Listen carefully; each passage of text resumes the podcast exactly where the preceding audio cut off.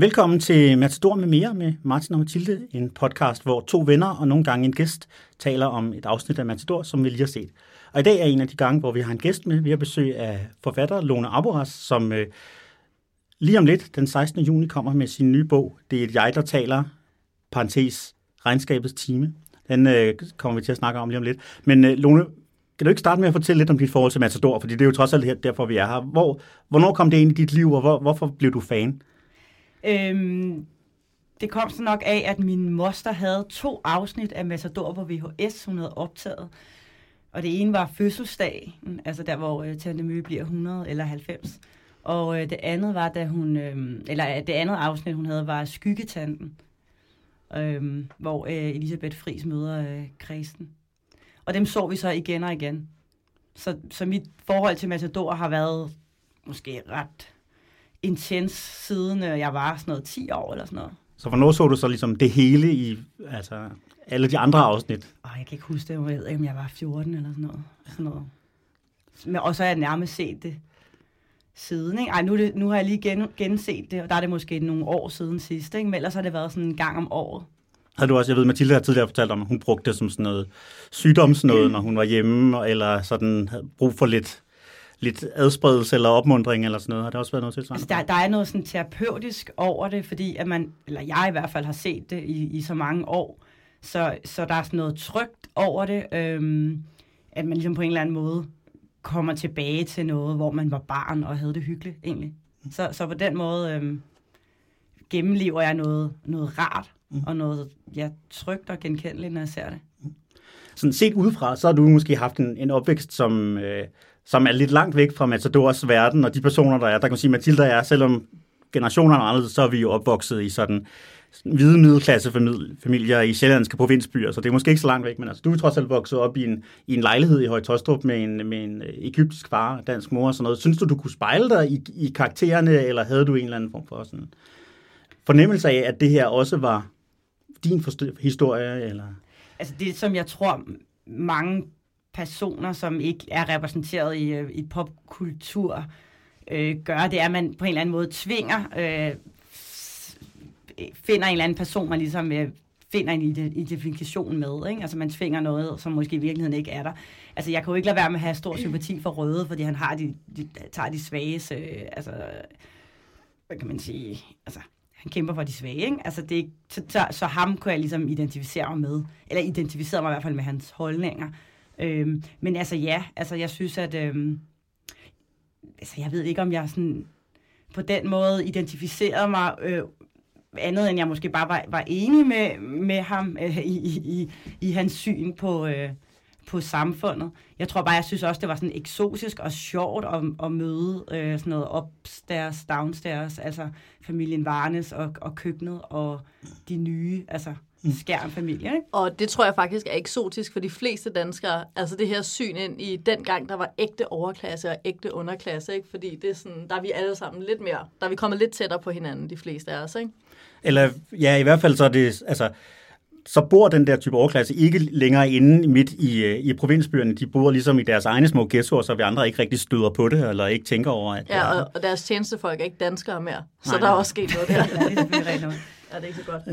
Jeg kunne egentlig godt tænke mig at høre nogen, fordi at jeg ved, du og jeg kender jo hinanden godt, og jeg ved, at du sådan generelt set har det lidt svært med sådan øh, den nostalgi, som der er i hvert fald nogen, der har det over for sådan gamle danske film og sådan noget. Det, altså, du i hvert fald har problematiseret sådan den der fortælling om Danmark og fællesskabet og sådan noget, som, som der godt kan ligge den der nostalgi. Men, men alligevel så, når det handler om Matador, så, så er du på en eller anden måde med, eller så synes, er det, altså, er det bare fordi kvaliteten er bedre, eller... Altså jeg tror, at grunden til, at jeg ikke synes, at nogle af de andre danske film er gode, det er jo fordi, det er folkekomedier. Altså det er Huset på Christianshavn, som er sådan en idealisering eller romantisering af arbejderklassen, som jeg synes er, er ikke er så interessant.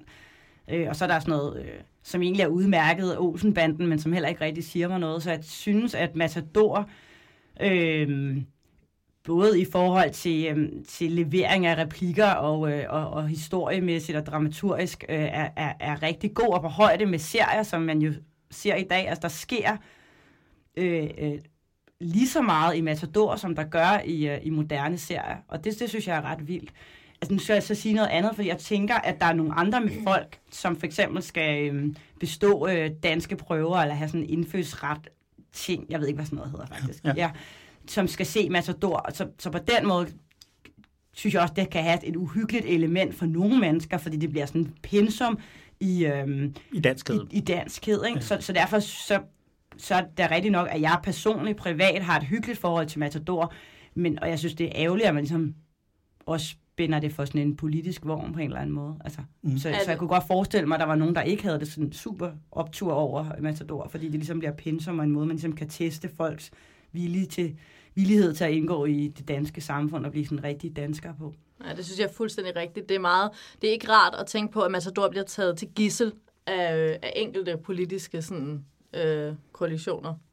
Ja, og netop en eller anden forventning om, at hvis man sådan hvis man er rigtig dansk, så, så, det, så kan man spejle sig i grisehandleren, som vi også har talt om nogle gange. Ikke? Han er ligesom den ægte dansker, der drikker en, drikker en bajer og går med sutsko og spiser, spiser rigtig meget svinekød og, og, og har hunde. Ikke? Altså, det er sådan, altså, på en eller anden måde er det også en der når du nu har skrevet øh, din egen bøger, man kan sige, det er jo ikke fordi, at de nødvendigvis er specielt matadoragtige, men der er alligevel, altså, man kan sige, at mange af dem er jo i hvert fald sådan en karakterstudie. Du interesserer dig for karakterer, kan man sige, og du interesserer dig også i at, at sådan fokusere på på humoren i sproget og, og sådan noget, ikke? Altså er der, har du, tror du, det har påvirket dig, det at du har set Matador så meget, eller er det i hvert fald... Sådan... Altså jeg vil faktisk gerne være helt ærlig og sige, at jeg har set Matador så meget, og jeg har og jeg kan deres replikker på samme måde, som alle I andre kan jeres replikker. Øhm, og jeg er, er fuldstændig overbevist om, at min måde at skrive replikker på, øhm, simpelthen har noget med det at gøre. Jeg ved ikke, øh, der er et eller andet, øh, som gør noget gehør, øh, som jeg har hørt på, siden jeg ligesom netop var de der 10 år, hvordan man ligesom kan levere noget, men hvordan man kan fortælle en historie ved, at folk bare taler sammen og gør det på en naturlig måde, og på en sjov måde, og også på en, altså, hvad så du blander det tragiske og det morsomme, ikke? Øhm, så det er 100 på, at jeg har, har lært noget af, selvom at det er nogle helt andre temaer, jeg tager op. Øh, Ja. ja, jeg kommer til at tænke på, øh, nu når vi mm. taler om sådan det her med, at du laver dine egne universer, og det er jo ikke, fordi de ligner Korsbæk-universet, selvom der er nogle fællestræk øh, alligevel. Øh, har du nogensinde tænkt over, hvis du skulle lave en roman og udvælge en eller et par af Korsbæk-karaktererne, hvem vil du så helst udforske i en roman af det der karaktergalleri, vi møder der? Det er meget pludselig, det har vi altså ikke forberedt. Nej, det, nej. øh, jeg har tænkt over, at da Arnold flytter til øh, Skelskør, med øh, damefrisørinden, som jeg ikke kan huske, hvad hedder. Agnete. Agnete. Altså, der er jo en historie, øh, der ligesom ikke bliver fortalt. Okay, jeg fik lige pludselig en følelse af, at jeg vil virkelig gerne læse den næste Lone Aboras bog, som handler om Arnold Agnete. øh. Fordi Agnete kommer, altså hun, Agnetes mor er jo øh, hende, der gør rent i ja. banken, og hun er den eneste af de der umiddelbart håbløse børn, hun har fået, øh, som ligesom bliver til noget. Ja. Så derfor synes jeg, det kunne være interessant at se, om hun bliver sådan solidarisk med arbejderklassen, eller hun bare bliver sådan småborgerlig øh, type, der bare bor ovenover butikken. Og jeg skal skør med ja. Arnold. Og det er faktisk svært at forestille sig, mm. hvad der egentlig sker med Agnetes karakter, for da vi tager afsked med hende, er hun helt hysterisk og meget barnlig. Mm. Så hvad sker der egentlig, når hun, vi ser et billede, hvor hun står med sit spædbarn og med Arnold, men hvem er hun postbarn i Præcis. ægteskab? Og det er det, der kunne være interessant at udforske. Det må vi jo uh, se, hvad, hvad ja. livet byder ja, på. Ja, det er 2018. ja. Vi skal, vi skal også tale om, øh, om dagens afsnit, øh, og i den her tilfælde, der er det jo altså afsnit 6, som hedder Opmarsch. Øh, og Mathilde, du er så god til at resumere, så vil du ikke øh, starte med lige at fortælle os, hvad, det, hvad afsnittet handler om? Det vil jeg i hvert fald. Øhm, der sker jo det, at øh, Mads køber øh, gennem højesteretsaffører Øster, køber han Damernes Magasin, altså bygningen. Øhm, og Hashvan øh, sluger sin stolthed og opsøger Mads Skjern for at tilbyde sin assistance, men får så at vide, at der skal være bank, og det er altså her, vi finder ud af, øh, at der nu skal, altså omegnsbankens begyndelse. Øhm, det er jo øh, dårligt nyt for Korsbæk Bank, hvis bestyrelse bebrejder Hans Christian for hele misæren. Og Hans Christian får endnu en hovedpine, da hovedbestyrelsen i de konservative beder ham om at rydde op i lillebrorens ægteskab oveni. Så det hele sejler lidt der. Det ender med, at Hans Christian finansierer en tur til Amerika for Jørgens elskerinde Gitte Grå. Så der er sådan en midlertidig løsning der. Samtidig er Ingeborgs eksmand Holger Jørgensen dukket op og insisterer på at se øh, datteren Ellen. Øh, det bliver dog forhindret, øh, og han bliver også sendt til Amerika, faktisk. Øhm, Christen opsøger Elisabeth øh, i håb om, at hun nu, hvor hun bor i egen lejlighed, er fri nok til at gå imod sin familie og forlove sig med ham. Men Arnesens død og den nye bank, som Christen jo skal være bankdirektør for, øh, det gør ikke deres relation mindre indviklet. Og øh, så sker der også det, at inden afsnittet er omme, så nedkommer Ingeborg med sønnen Erik, som bliver døbt Erik Skjern. Uden Andersen. Det er rigtigt. Lad os prøve at starte med, altså, vi slutter jo normalt afsnittet af med at tale om de vigtigste replikker og sådan noget. Det er ikke fordi det her nødvendigvis er det vigtigste replik, men i hvert fald en replik, der bliver gentaget øh, nogle gange i afsnittet, det her med, hvad skal der blive af mig? Man kan sige, efter, efter de øh, begivenheder, som skete i sidste afsnit, så er der faktisk en del af karaktererne, som står og er fortabte. Vi har Fruggen Jørgensen senere også. Svend, der er også en, det bliver sagt. Og Vicky tror, siger det også, Vicky tror jeg. siger det også. Jeg tror i hvert fald, de tre karakterer er alle sammen post Arnesens død et sted, hvor øh, de, har, de, de står og ikke kan overskue deres egen fremtid, og ikke kan overskue deres, øh, deres egne muligheder. Det er jo sådan set meget altså, dramatisk interessant, kan man sige, at stå de her. Der er ikke nogen fremdrift i deres karakterer. Den, de, de, er, de er håbløse. Eller ja, det, de har alle sammen noget. De kan i hvert fald ikke komme videre uden at udvikle sig. Ikke? De er presset ind i en udvikling. Mm. Men, øh, nej, undskyld. Øh, det, er jo, øh, det er jo første gang her, vi ser... Jeg læste faktisk engang interview med skuespilleren, der spiller Inger Jørgensen, som lige, jeg lige pludselig ikke kan huske, hvad hedder. Vera, Vera Gebur. Ja. Mange tak. Ja. Jeg mener, at øh, hun fortalte om netop øh, det her afsnit, hvor at øh, hendes øh, karakter jo muligvis kom, kom til sin ende, og hun så havde sat sig for at gå ind og bare lave den bedste skuespilpræstation i hele sit liv. Øh, og det gør hun jo der, hvor hun sidder inde i klædeværelset, og fru Violet står der i en oh, lidt mere ja. øh, øh, medium skuespilpræstation. Og sådan, altså, men, men hun virkelig giver den gas, og jeg bliver meget rørt af den der scene, og jeg tror virkelig på hendes desperation. Og det er fra den her scene af, at Inger Jørgensen faktisk er en af mine sådan lidt sort hest øh, mm-hmm. yndlingskarakterer yeah. i serien. Det starter her. Men hun er også den eneste, som jo... Altså, hun udvikler sig jo ikke... Øh, man kan sige, altså hun er også, altså hun udvikler sig jo på den måde, at hun kommer op i her kid, og hun bliver, hvad hedder sådan noget, sælger for spirala-korsetter, ja, ved jeg. Rigtigt, ja. Efter hun lige har været en tur hjem hos sin søster Emmy i en eller anden provinsby, indtil hun bliver smidt ud der. Og senere hen kommer hun jo så, da der ikke har brug for, da der ikke har brug for spirala-korsetter mere, der er i hvert fald ikke nogen, der gider købe dem, der bliver hun jo så øh, husbestyrerinde for øh, Agnes. Øhm, ja, til det gør hun til sidst, og hun når også forbi Varnes. Og det er faktisk ja, det er sjovt, rigtigt, ja. du siger det der med, altså det der med, om, om hun udvikler sig, og sådan, hun rykker jo lidt rundt. Ja. Og det er jo netop det, jeg synes, der er interessant ved hende. Mm. Fordi hun har sådan et eller andet med, at hun har bidt sig fast i det her med at holde sig for god, som hendes veninde, fru Violet, også pointerer. Som i hvert fald ikke holder sig for god til sidst. Nej, som uh, virkelig... Uh, Kaster ja. sig i grav for handelsrejsende, eller hvad det ja. Ja, hun, ja, ja. det er det lille hår, der gør det ved hende. Ja, ja, ja. Jamen det synes jeg, men det får vi jo at se i de næste, hvordan Inger Jørgensen ligesom på en måde bevæger sig rundt, og på en anden måde bare nægter pure at sådan acceptere menneskelighed ja. hos sine medmennesker. Ja. Ikke? Hun vil ikke altså acceptere det, og det bliver en af grundene til, at hun bliver mere og mere nervøs og mere og mere desperat, fordi hun bare ikke forstår, vel egentlig, altså hun forstår ikke det, hun forstår ikke de sådan menneskelige drifter måske, som egoisme og Ja, det ved jeg ikke, om det er det. Nej, altså, Nå. Mm, på en eller anden, det, er, altså, det er også svært at forstå en karakter, som har været så forelsket, som hun er i, i Arnesen, ikke? Altså, man kan sige, ja, virkelig bund ja. usympatisk. Hvor kom det fra, Inger? Og meget lidt ja, karismatisk ja, type. Det må man sige, ikke? Som måske, måske har været den spændende, da de, da de gik i folkeskole, og han ligesom var søn af byens førende manufakturholderhandler og sådan noget, ikke? Men alligevel ja. en 40-årig Det kan være, han var god til fodbold eller et eller andet. Der var nogle små ting, der kunne gøre det i folkeskolen. Ja. Apropos det her med karakteristik af, eller karakterisering af, af nogle af karaktererne, så, så tænker jeg meget over faktisk, at Vicky, som jo sådan set generelt set bliver, bliver præsteret, eller præsenteret sådan relativt sympatisk, og i hvert fald som sådan lidt ung og uskyldig her, og, det, øh, og senere, når hun kommer tilbage i serien i endnu højere grad.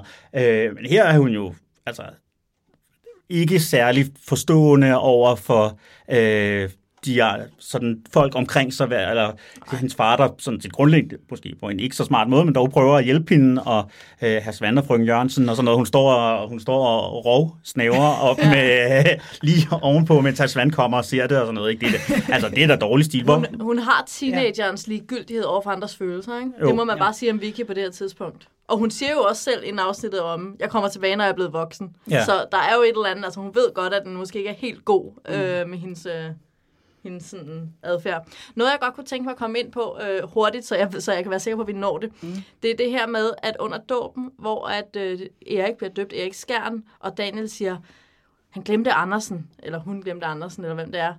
Og så siger jeg over, det hedder vi ikke mere. Og den her rebranding, synes jeg jo er ret interessant. Mm. For hvorfor er det, at de dropper Andersen? Altså det synes jeg jo i det hele taget, øh, hvis vi skal over og snakke om Mads, så altså det, det helt store i det her afsnit, synes jeg, det er, at det her det er afsnittet, hvor Mads han, han breaker bad, for nu ligesom at bruge, ja. øh, altså det her, hvor ja, vi for alvor ser, at han er simpelthen på vej ud i, i noget rigtig snavs. Både den måde, han, øh, han øh, håndterer Holger-problematikken på, mm. og den måde, han bare sådan skifter navn og ikke taler med sin kone og alt sådan noget. Altså det, den usympatiske Mads kommer virkelig, virkelig frem ja, her. Og er, undskyld. Ja, fordi man har jo haft kæmpe, symp- ja, ikke kæmpe sympati for, men haft har forståelse i hvert fald. Forståelse for, at han, at, at han ligesom bliver afvist i banken af Varnes, og at Varnes på et tidspunkt, da Mads bare står og nyder sin, øh, sin morgen uden foran sin butik, bliver overfuset af, af, af, af, af Hans Christian, ikke? Øhm, og nærmest, og, og han siger jo, at du er fanden selv til, til Mads, hvor man tænker, okay, slap nu af, ikke? Ja. Øh, han vil jo bare gerne åbne en butik og øh, lidt konkurrence i den her soveby, ikke?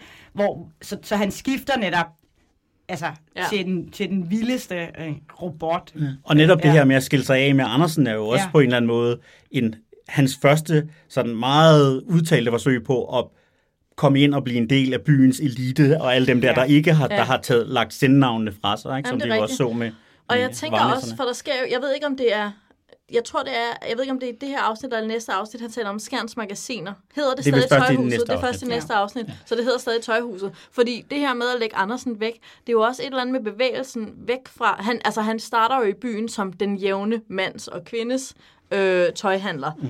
Øh, tøj og sko, så jeg, der var en, der kaldte det en artikel. Datidens tøj og sko. Øhm, men det der jo, altså det han gør efter at damernes magasin kollapser, det er jo, nu behøver han jo ikke være den jævnes nødvendigvis. I hvert fald behøver han ikke positionere sig over for de fine. Nu kan han rumme begge dele. Mm. Og det er måske også noget af det, der allerede starter her. Mm. Det ved jeg ikke. Mm. Det tror jeg meget rigtigt. Må jeg spørge en ting? Det? Er, er Opmars ikke det afsnit, hvor at Kristen kommer hjem til Elisabeth, og, øhm, og Dr. Hansen, Dr. Også Hansen kommer, og det er ikke der, hvor at, øh, Hans Christian kommer og siger, at der er ikke noget at fejre i disse tider. Er det det, er det, det afsnit før? Ja, det er vist afsnittet ja. før, okay. for det er i forbindelse med Alberts død. Øhm, okay. Men apropos uh, Elisabeth. Ja. ja. Eller var du ikke færdig? Okay. Øhm, det er fordi, der er nemlig en lytter, der har spurgt os, om vi ikke vil tage et emne op, som, øh, som lidt øh, øh, knytter sig til det her med Christen og Elisabeth. Øh, hun skriver, Gro Kemtrup øh, Melkersen skriver, jeg synes, det vil være godt med en snak om, hvorfor Elisabeth pludselig rejser, efter hun har været så stålsat i forhold til at gifte sig med Kristen. Holder logikken om, at det er for grænseoverskridende med forretningerne i baglokalet? Eller er det forsøgt og noget, man, øh, noget, man var nødt til at bruge mm. for forholdet, forholdet til at gå i stykker? For det genoptages jo alligevel efterfølgende. Og det er jo det, der gør her. Der mm. genoptages relationen jo. Hvorfor gør den det? Mm. Hvis hun, hvis hun var så utilfreds. Ja. Og der er noget andet, som også er pudset, nemlig at, at, øh, da de så, ligesom sætter sig ned og taler sammen der på, på postgården, der, der øh, lægger Kristen meget vægt på det her, men nu har han jo råd til at give dig det, som din søster Maud også ja. har, og sådan noget. Ikke? Og det, vil sige, det har jo aldrig været et issue, det har aldrig været det, det, det, handler om. Problemet, og, og det, må, det må Kristen da have forstået, så, så dum er han vel ikke. Så hvorfor er det, han pludselig ja. vil, vil tale om det her? Ikke? Så jeg synes egentlig, jeg er lidt enig med vores lytter her. Der er noget, der vakler lidt i Elisabeth Kristen. Altså det er som om, at, at øh, man vil fra, fra manuskriptets side vil rigtig gerne lave en Romeo og Julie-historie, men det er en lille smule forseret, de ting, der skal gøre udslagene for brudene. Altså, jeg tænker, at på det tidspunkt, hvor at Hans Christian siger, at de handler med andet end bånd og bæl, bændler, bændler ja. i øh, baglokalet, at det der med at, at være altså, overkal eller tage, ja. øh, låne penge ud til høje renter, på det tidspunkt måske var et kæmpe no-go. Ja, det var meget slemt måske, ja. Ja. Øhm, og er det så fordi, det, der nu er en bank, så nu er det okay? Altså måske, er det, kan det, det være det? Det forestiller jeg mig, ja. så det er blevet sådan legit, at man ja. ligesom låner penge ud øhm, officielt, selvom at det åbenbart er meget irriterende, at der er kommet en anden bank, fordi man ligesom bare har lavet den der imperium ja. øh, ting med, at der kun må være én butik, der sælger tøj, og én bank, der, der låner penge. Ikke? Øh, og det laver Matthew så om på. Øhm, ja. Så jeg tænker egentlig, at selvfølgelig dramaturgisk skal man lave et eller andet, der gør, at det går i stykker, og det netop kan være rum i juli men at det også giver okay mening, at de er oppe og køre over, at der kommer en fremmed, som i den grad udkonkurrerer alle, og ovenikøbet også laver sådan noget sidegeschæft ude i, øh, om i baglokalet, ikke? Ja, og nu hvor det ligesom er blevet, som du siger, legit, så er det sådan lidt, okay, nu kan vi lægge det bag os. Dengang det var en, dengang det var altså en forstyrrelse, det er nu ikke en forstyrrelse mere, nu er det accepteret som ja. Ja. en del af, af mm. Du er også kæmpe forskel på at blive gift, og så bare have sådan et platonisk Ja, venskab, venskabs... med benefits. Ja, ikke? Eller hvad de har. Øh, det, det, det der, fordi så er de jo ikke forpligtet, de der to familier, til at hænge ud og være sammen. Nej, det er rigtigt. Øh, nu kan de jo bare være i de der kvartetter. Det er det vel ikke engang. Det er en trio indtil Det er en videre. trio, ja, det er rigtigt. det bliver en ja. kvartet med, øh, med fuldmægtig Paul Christensen Det senere, er rigtigt, tror jeg. ja. Øhm, ja.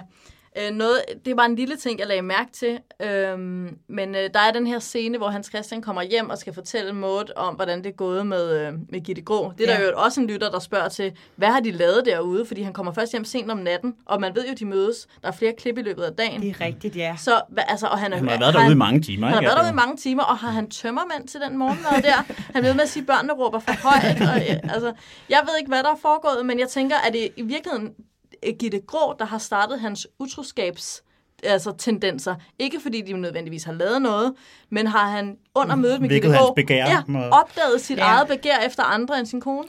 Altså, jeg tænker også, da, øhm, da ham, konsulen, kommer ind og konfronterer øh, Hans Christian med Jørgens utroskab, Ja. og han siger, vi kan jo alle have vores ved siden af, men vi har det sgu i dølsmål. Ja. Så tænker jeg, at det er sådan ret kommelfo, at de der mænd går rundt og knaller ved siden af, og det Vi får det jo også senere at vide, altså, at det har her Fernando Møge for eksempel også gjort, ikke? Og det Ja, var ja. ligesom, øh, Han er far til fede af en eller anden grund. Ja. Hvilket er en fantastisk replik, da Røde siger, så kan du hjælpe din søster med at skubbe. Ikke? Øh, men, men jeg tænker, at, at det er for at etablere en, en, et, et rum, hvor at mænd i det der miljø går rundt og har damer ved siden af. Det tror jeg, du har fuldstændig ret i. Ja. Det er vildt mange i virkeligheden. Det er ja. Altså Ernst Nyborg, det er, som du, det er Hans Christian, og Kold, det er også konsul, konsul, det. havde jeg aldrig regnet med, men det siger Nej, fordi jo. hans kone er så lækker, så hvorfor skulle han? Nej, ikke. Men altså, vi kan også, altså, Bolt, han bruger det jo også da, over for Agnesen. Ja, altså, han, det er han, rigtigt. han, han Det er har en forventning, eller siger, at han kan godt tillade sig, han har en eller anden forventning om, at selvfølgelig så herren i huset, han, øh, han, Han kigger kom, ind. kigger ned forbi den smukke, onde køkkenpige. ja, ikke? ja, ja. Øh, Ja, byrådssekretæren finder vi også ud af. Det er rigtigt. Øh, der er at også han noget der. overhovedet kan... Ja. Ja, I den svulmende i de blanke kjoler. det er rigtigt. Han har er fat i. en dejlig replik. Ja. Øh, nå, men i den samtale, hvor Hans Christian kommer hjem, og måske mm. har tømmermænd, eller måske har moralske tømmermænd, eller følelsesmæssige tømmermænd, hvem ved, der står, øh, der står Mingvasen fra Olsenbanden bag ved Maud, og det synes jeg måske er meget sjovt. og den er jo 50.000 værd, Ja, da Olsenbanden bliver optaget. Ja. Så jeg Okay. tænker bare, at det er jo også øh, sådan et velstandssymbol. Det, der så bare er meget interessant, det er, jeg synes, jeg kan huske, at den senere står på Christen Skærns bankkontor. Så det ved jeg ikke. Nå, men det kommer jeg bare lige til at tænke på, at jeg vil rigtig gerne bede lytterne om at holde øje med den her mingvase fra Olsenbanden, hvor den vandrer rundt i Korsbæk. Det synes jeg kunne være det er spændende, hvis det er nøglen til en helt ny tolkning af sådan et, et fælles balling cinematic universe. og Præcis, ting, og som hvis vi er dårlig samtidig. scenografi. ja, genbrug af replikker, eller hvad hedder det? Ja, eller i hvert fald er Rekvisitter, ja.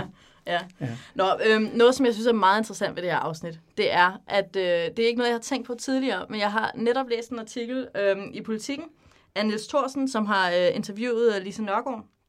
Øh, og der skriver han, det er noget med, at Erik Balling var på jagt efter en afløser for huset på Christianshavn, og så er Lise Nørgaard blevet bedt om at skrive en synopsis til seks afsnit. Og det betyder, at det her afsnit er en afslutning. Det er en finale mm. på serien. Mm. Og det fik mig til at se det med lidt nye øjne. Øh, for eksempel er der den der slutning, hvor de zoomer ind på Mads, og hvor et par scener inden har Kristen lige sagt noget med, jeg er den stakkels lillebror. Mm. Øh, Det er rigtigt, ja. Og der siger han, øh, Mads, han får alt, hvad han peger på. Og i afsnit 24, Det er der slutter rigtigt. det også med, at- Kristen siger, Mads har Har alt. alt. Så jeg var sådan helt, wow. Men det er i virkeligheden en begyndelse og en afslutning. Ja, det er det nemlig. Øh, og, og grunden til, at de siger, at Mads har alt, det er jo fordi, de så ved, tænker jeg nu, at nu kommer der ikke mere. Fordi det ligesom i første sæson, kan man sige, sidste afsnit, mm. ligger op til, at Mads Mads, får ligesom alt. skal have alt. Ikke? Mads får alt, hvad han peger på. Ja. Det gør han så Ja. i, i øh, nu kan jeg ikke så godt regne, er det 18 afsnit til så? Ja, det må være rigtigt. Ja. 18 afsnit til, og konkluderer så, at han har også fået alt nu. Og det synes jeg er meget fint. Også det der med, at, at, at Lise Nørgaard har måske tænkt, jeg ramte godt med den slutning første gang. Altså det her med at zoome ind på Masses ansigt. Manden, der har, har alt. Altså sådan, at det Ja. har hun, og så har hun ligesom brugt det igen. Og det kan jeg egentlig meget godt lide. Det vil jeg sige, det er genbrug, der fungerer. Altså, Men, men man må omvendt også sige, at hvis nu serien var sluttet på det her tidspunkt, hvis nu Ja. den ikke var blevet, altså så var den jo for det første sikkert, helt sikkert ikke blevet en klassiker, men det er jo også, altså det er jo stadigvæk en meget andet fortælling, hvis den ligesom bliver afrundet her, og moralen i historien, og sådan de paralleller, der er med de forskellige karakterer, vil være meget anderledes, hvis det sluttede nu her. Ikke? Så på mange måder synes jeg sådan set, at det er en ret, altså det er en, det er en modig sæsonafslutning, hvor de, hvor de lader mange bolde være i luften stadigvæk, og Ja, også lade, de. lade, lade en masse af, af seriens pointer være meget sådan øh, t- dobbelttydige, eller flertydige Ja. på det her tidspunkt i hvert fald. Og Varnes øh, måder, Hans Christian, det, de slutter jo også helt anderledes i afsnit 6 end i afsnit 24. Ja. Fordi i 24, der er det jo deres sølvbryllup, og de er lykkelige sammen. Ja. Virkelig lykkelige, og man har altså mm, stor forståelse for deres relation. Mens i det her afsnit, der ser, ser man dem sidde på kirkebænken, og Mort kigger sådan lidt øh, tomhjernet ned, og Hans Christian, og apropos det her med, om han har haft utroskab, i hvert fald i tankerne, så sidder han og kigger væk, altså helt desorienteret eller ukoncentreret under dåben, og ser meget sådan, ser ud som om han er i hvert fald travlt beskæftiget øh, i tankerne. ja, der tænker jeg, at de kigger væk i sådan afsky. Nå de, ja. de ignorerer, fordi hvis man kigger på nogen, som man Ja. ikke kan lide og følger med i dåben, som jo også er næste generation, Ja. så er man jo deltagende eller accepterende. Det her, det er jo simpelthen så pinagtigt og ubehageligt og Så de giver deres- afskyvækkende. Så derfor så kigger de væk i sådan disrespekt. Altså, det, Ja. det, det, det er det meste... Altså, man kan jo ikke være så disrespektsagtig inde i den der kirke. Så Nej. det med, at de ikke kigger på dem, tænker jeg er en måde ligesom at vise foragt på. Det er ikke? den diskrete måde at vise Ja. på, at det kan godt være, at vi Ja. sidder på første række til at Ja. ja. søn stå, men vi kigger væk. Altså. Og hvilket undrer mig over, om de går i, i kirke. Øh, Det gør de jo til synligheden, de fleste af dem. Ja, øh, Men at det var det normalt på det tidspunkt? Ja, det ved jeg ikke. Jeg er Det meget... var ikke øh, øh, tjekket. Altså det, nej, og det, og, og det er jo meget interessant, det har vi, jo- vi har også talt lidt om det tidligere, så at i det hele taget, så fylder sådan, altså, tro og kirkeliv og sådan noget, Ja. fylder meget lidt i serien sådan set. Måske heller ikke noget, der har interesseret Lise Nørgaard og Erik Balling specielt meget, men, men, men det er ikke, altså, vi har et par karakterer, som sådan er defineret troende, men sådan langt, den ste, altså langt de fleste karakterer får vi ikke noget at vide om deres, deres sådan trosforhold, og det er, ikke, det er ikke ligesom en del af, af byens liv, det her. Med Og Og den jo, fordi at Mads Skjern kommer i menighedsråd. Det er rigtigt. Men det er jo, men det er jo, men det, det er jo ikke kirkeligt, det er jo netop bare som en del af Ja, ja, hans okay. sådan magtstrategi, tænker jeg i hvert fald. Ja, ja. for hans vedkommende, ja. Ja. Ja. Men øh, det er også det, at da troen så endelig, altså den kristne tro, endelig kommer i fokus mm. i... Øh, er det afsnit 13 måske? Men altså der, da faster Anna kommer ja. Ja. til byen, der er det bare på den mest negative måde, man kan sætte tro i centrum ved at sætte en virkelig, virkelig sur gammel dame til at være billedet på religion, ikke? Mm. Men vi har jo Katrine, Det er rigtigt. den glade kristne. Den glade, den glade kristne, ja. Og, der, der, og hun er jo i virkeligheden også en, der sådan, hun kommer i fokus nu her, ikke? og det er jo ikke, synes jeg, sådan set, også et eksempel på noget, hvor man, hvor man smider en bold i luften, som så bliver grebet langt senere. Ikke? Fordi Katrine har jo ikke været nogen særlig vigtig karakter i serien i virkeligheden indtil nu. Hun har haft nogle interessante samtaler med sin datter og sådan noget, men, men som mm. det her billede på øh, sådan den stoiske ro og den Anstændig altid borgerlig. anstændige, an, borgerlige anstændighed Ja. og fornuften og Ja. sådan noget. Ikke? Altså der er det jo i virkeligheden først nu, hun ligesom kommer, kommer på spil. Ikke? Og det synes jeg også er meget modigt, Ja. at man i virkeligheden i noget, der, Ja. der, der kunne have været det sidste afsnit, Ja. hiver sådan en, en, Ja. en trum for af. mig, er med. Ikke? Ja. Men Jamen, hvis, det er rigtigt. hvis jeg må spørge om noget øhm, i forhold til øh, Mads, øh, som, som afslutter sæson 6, fordi man ligesom zoomer ind på hans ansigt, da næste generation bliver døbt, og i forhold til, at Mads også viser sig at være super ube- ubehagelig og nederen i, i resten af, af, af afsnittene, eller så, ja, serien. Ja, Ja. så kunne jeg godt tænke mig at vide, hvordan kan det være, at den her self-made man, som, øhm, som også er sådan nogle dyne Larsen, og hele det, som sådan vores samfund ligesom er nogen, man skal se op til, og man bliver forherliget i samfundet, bliver beskrevet i en så folkekær serie, som så dæmonisk og forfrygtelig og tyrannisk, hvordan den her, det her meget mainstream, liberale syn på, at man skal bare åbne sin egen butik, og en dag så kan man eje et, et, et, et, et, et, et imperium. Eller, altså det Ja. har jeg undret mig over egentlig, Ja. om, om, det, om der er... At, Altså, der er ikke nogen tvivl om, at de gode i serien er øh, de radikale, ikke? Altså, de, de er perfekte. Dr. Hansen og Elisabeth. Og så er der de, de, øh, de gamle, konserv- altså de konservative, ikke? Som er sådan lidt latterlige. Som er lidt latterlige, men som jo også udvikler sig, og i øvrigt også redder øh, herr Stein, Ja, og, og, og, og, får en udvikling derigennem. Det, der bare undrer mig over noget så, så folkeligt som... Øhm, Men jeg tror, hvis Som- man skal ja. være lidt, altså, altså sådan lidt mere optimistisk i forhold, så tror jeg faktisk, det jo netop er en af grundene til, at, at serien har overlevet og er blevet så populær. Det er jo netop det her med, at man, at der er så mange af karaktererne, som, hvor vi får set både deres positive og deres negative sider, ikke? og hvor vi både får set dem blive korrumperet, men også ser, ser dem træde i karakter og Ja. være heldemodige på nogle forskellige tidspunkter. Ikke? Og man kan sige, hvis det havde været en meget mere entydig succeshistorie om den gode kapitalismes gennembrud, eller sådan set omvendt, en meget mere entydig historie om den onde kapitalist, som kommer ind og smadrer alt muligt. Altså, så har det, Ja. været, altså, Men- det havde i men- mindre grad været noget, folk kunne spejle sig i, og måske også en, en dramatisk mindre Men interessant. Mads Skjern, han, altså, han i to tredjedel af serien, det vil sige fra afsnit 6 og frem, Mm. der bliver han jo bare mere og mere usympatisk. Ja. Men der er én ting, som redder ham fra, at rigtigt, vi fuldstændig og- demoniserer Mhm. ham, og det er hans kone. Ikke? Mm. Altså, så længe at Ingeborg er sammen med ham, så kan vi heller ikke helt afvise ham, tror jeg. Altså, Men det er hun jo næsten heller Det er ikke. hun for- næsten heller ikke til sidst, nej. Og, Enig. på, men, Det er og, på, enig og man, man kan godt sige, på, altså på Masses og på kapitalismens egne præmisser, så han, bliver han jo også ved med at være succesfuld, ikke, kan man sige. Ikke? Han bringer vækst til byen og udvikling, og han bliver ligesom ved med at være fremskridtets mand, selvom han også på et eller andet tidspunkt bliver sådan lidt, lidt, lidt malig og, og Ja. korrumperet og korrupt og alt muligt. Men han er jo for eksempel meget lydhør over for Agnes, fordi hun Det er ligner rigtigt. ham, ikke? Netop, Det er måske Og også det- noget, der redder ham. Det er rigtigt, at han er jo moderne på, den, på det område, når det nu ikke lige gælder hans egen kone i forhold til, at hun må arbejde og så videre. Men, men der er han jo selvfølgelig meget øh, opbakkende og Ja. tror på hende og synes, det er fedt. Men det er også kun, fordi hun ligner ham, ikke? Jo, det er rigtigt, men det er måske også der, hvor det der liberalistiske, kan man sige, hvis nu Mads havde været den eneste self-made Dyne Larsen-karakter, så havde det måske ikke altså, set så godt ud. Men vi har jo Agnes ved siden af, der gør præcis det, Det er samme, rigtigt. og som forbliver sympatisk. Disk. Ja. Ikke? Så der må, det er måske I hvert fald også, Ja. inden for seriens egen logik. Ja. Det kan vi Ja. komme når vi Ja. kommer. Ja. Det er rigtigt nok. Har du flere ting, Mathilde? Øh, jeg tror, jeg er ved at være ved vejs ende, øhm, men vi, øh, vi skal jo stadigvæk snakke om afsnittets VIP. Det er rigtigt, ja. Øhm, jeg ved ikke, om der er nogen af jer, der har nogen bud. Jeg har sådan lidt en, øh, en lidt, lidt skæv en. Mm. Men det er fordi, at det der jo sker her i starten af afsnittet med, at, øh, at Damernes Magasin bliver solgt til Mads, det synes jeg jo er, hvad skal man sige, rent plotmæssigt et ret centralt ting. Og grunden til, at det jo sker, fordi det er jo ret mærkeligt, hvorfor, bliver, hvorfor sælger Vicky Arnesen med hele, hele hendes omgangskreds, hader Mads Skjern, hvorfor sælger hun til den familie?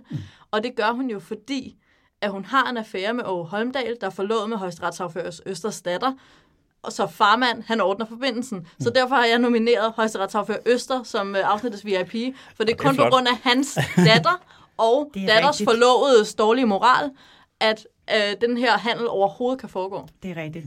Jeg tænker også, at det er også, fordi de, altså det er, også, det, det er jo rigtigt, han får det fikset, og så er de jo også de eneste, der har penge. Så er de de eneste, der har penge, så spørgsmålet er, hvad der ellers ville være sket. Så var hans Ja. kasse blevet nødt til at købe den, og så var, så var Korsbæk Bank gået ned og hjem på grund Ja. af, ja, det havde ikke været så godt, nej. Så det, det, er, det er min godt. VIP. Det er et godt bud. Ja. Lige her, inden vi, bliver, uh, inden vi runder af, så er der jo faktisk et helt spor i afsnittet, som vi ikke har talt om endnu, nemlig Holgersporet. Øhm, og det er, grunden til, at vi har talt om det, er det måske, fordi det ikke er særlig interessant som andet end netop der, altså det, det er interessant i masses karakterudvikling. Historien om Holger bliver jo først interessant igen senere i virkeligheden, ikke? men det her med, at øh, grisehandleren forsøger at løse problemet på en måde, mens Mads han så går ind og forsøger at løse det på en, en meget mere radikal måde, hvor han simpelthen bruger sin, sin nyvundne magt i, øh, i byen til at, at, at, at få Ja, trumfet han, igennem. han gør øh, jo det, som øh, de rige gør, sender dem Ja. ud at rejse. Ikke? Jo, det gør jo, de jo jo. også med Gitte Grå. Det er jo fuldstændig, de, to ja, Ja, ting er ja, fuldstændig ja, parallelle, ikke? ja. Øh, Men, men endnu mere radikalt. Det her det er virkelig en envejsbillet, ikke? og du kommer ikke tilbage. Ja. Ja, og der er ikke andet arbejde at få i byen. Det er ret Ja. Altså, hvor meget indflydelse har Mads på det her tidspunkt? Jeg bliver jo helt, jeg Det bliver er helt fedt, at de er så ubly omkring det, Ja. at de bare øh, siger, der, Godt. og der er heller ikke andet arbejde at få Nej. her i byen. Bare sådan ud med dig. Ja. Ja, det er meget voldsomt. Men, men Så det, hurtigt som muligt, siger de også. Ja, så hurtigt som muligt, Jørgensen. Ja. ja. Øhm, det, jeg bare synes er sjovt, det er, også da jeg var yngre, jeg kunne ikke forstå, at Holger var ung, øh, ond, da jeg var lille. Nej. Fordi han er så usel. Altså, mm. og sådan, jeg havde bare ondt af ham, og han kommer Ja. der, og han vil se sin datter. Og jeg kan bare, og nu, nu når jeg ser det, tænker jeg, at han er også en skidt kæl, og han bliver nazist senere og sådan noget. Men, men altså, dengang jeg så det, da jeg var yngre, der synes jeg, det var vildt synd, at han på den måde sådan, bare kom for at se sin datter, og så blev kyldet ud. Altså, det synes jeg jo stadigvæk er en sindssyg måde at behandle ham på. Ja. Altså, fordi jeg tænker, at han netop bliver nazist, fordi Ja. altså, at, at, at han er udstødt og ikke, og, og ikke har nogen magt, og der er bare en eller anden mand, der kan sådan flytte rundt på Ja. ham. Ikke? Og så hører man selvfølgelig om den der husholdningsskole, hvor han har gjort øh, Ingeborg gravid, Ja. og så igennem grisehandleren åbenbart ikke ligesom har opfyldt sit, øh, sin Men- faderlige Og- pligt. Så, så på den måde får vi igennem grisehandleren og, det, og, og, og Katrine og den familie at vide, at han ligesom har været en idiot. Men det er Ja. lidt svært, når det er på sådan en second Ja, og vi har jo ikke set ham det, være strid, vel? Altså, og, og jeg synes også, det der med grisehandleren, han siger, du tænker jo aldrig på andet end penge, ikke? Det, Øhm, her- det synes jeg måske er lidt en påstand. Det er Ja. sikkert rigtigt, men de blev simpelthen... De, jeg synes, de har, der skulle være lidt mere showet, i stedet for at det bliver sådan en ting, ja. som vi bare lidt æder.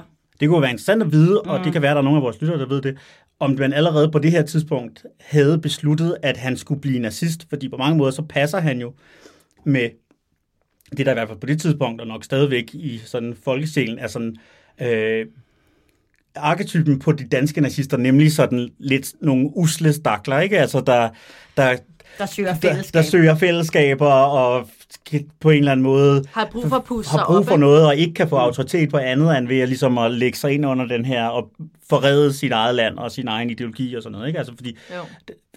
de, på den måde er han jo en, en meget konsistent karakter, synes jeg i virkeligheden. Altså, det virker troværdigt ud fra den, han er nu, det der kommer til at ske senere. Men Ja. spørgsmålet er, om det allerede var besluttet på nuværende tidspunkt, at han skulle blive det. Ja, det, er- altså, det er jo kun Lise Nørgaard, der ved det. Og hvis hun kun havde skrevet seks afsnit på det her tidspunkt, så ved jeg ikke, om hun har tænkt, hvis jeg skulle skrive videre, mm. så tror jeg, at jeg vil sige, at Jørgensen, Holger Jørgensen der, han er min nazist. Han er byens... Øh...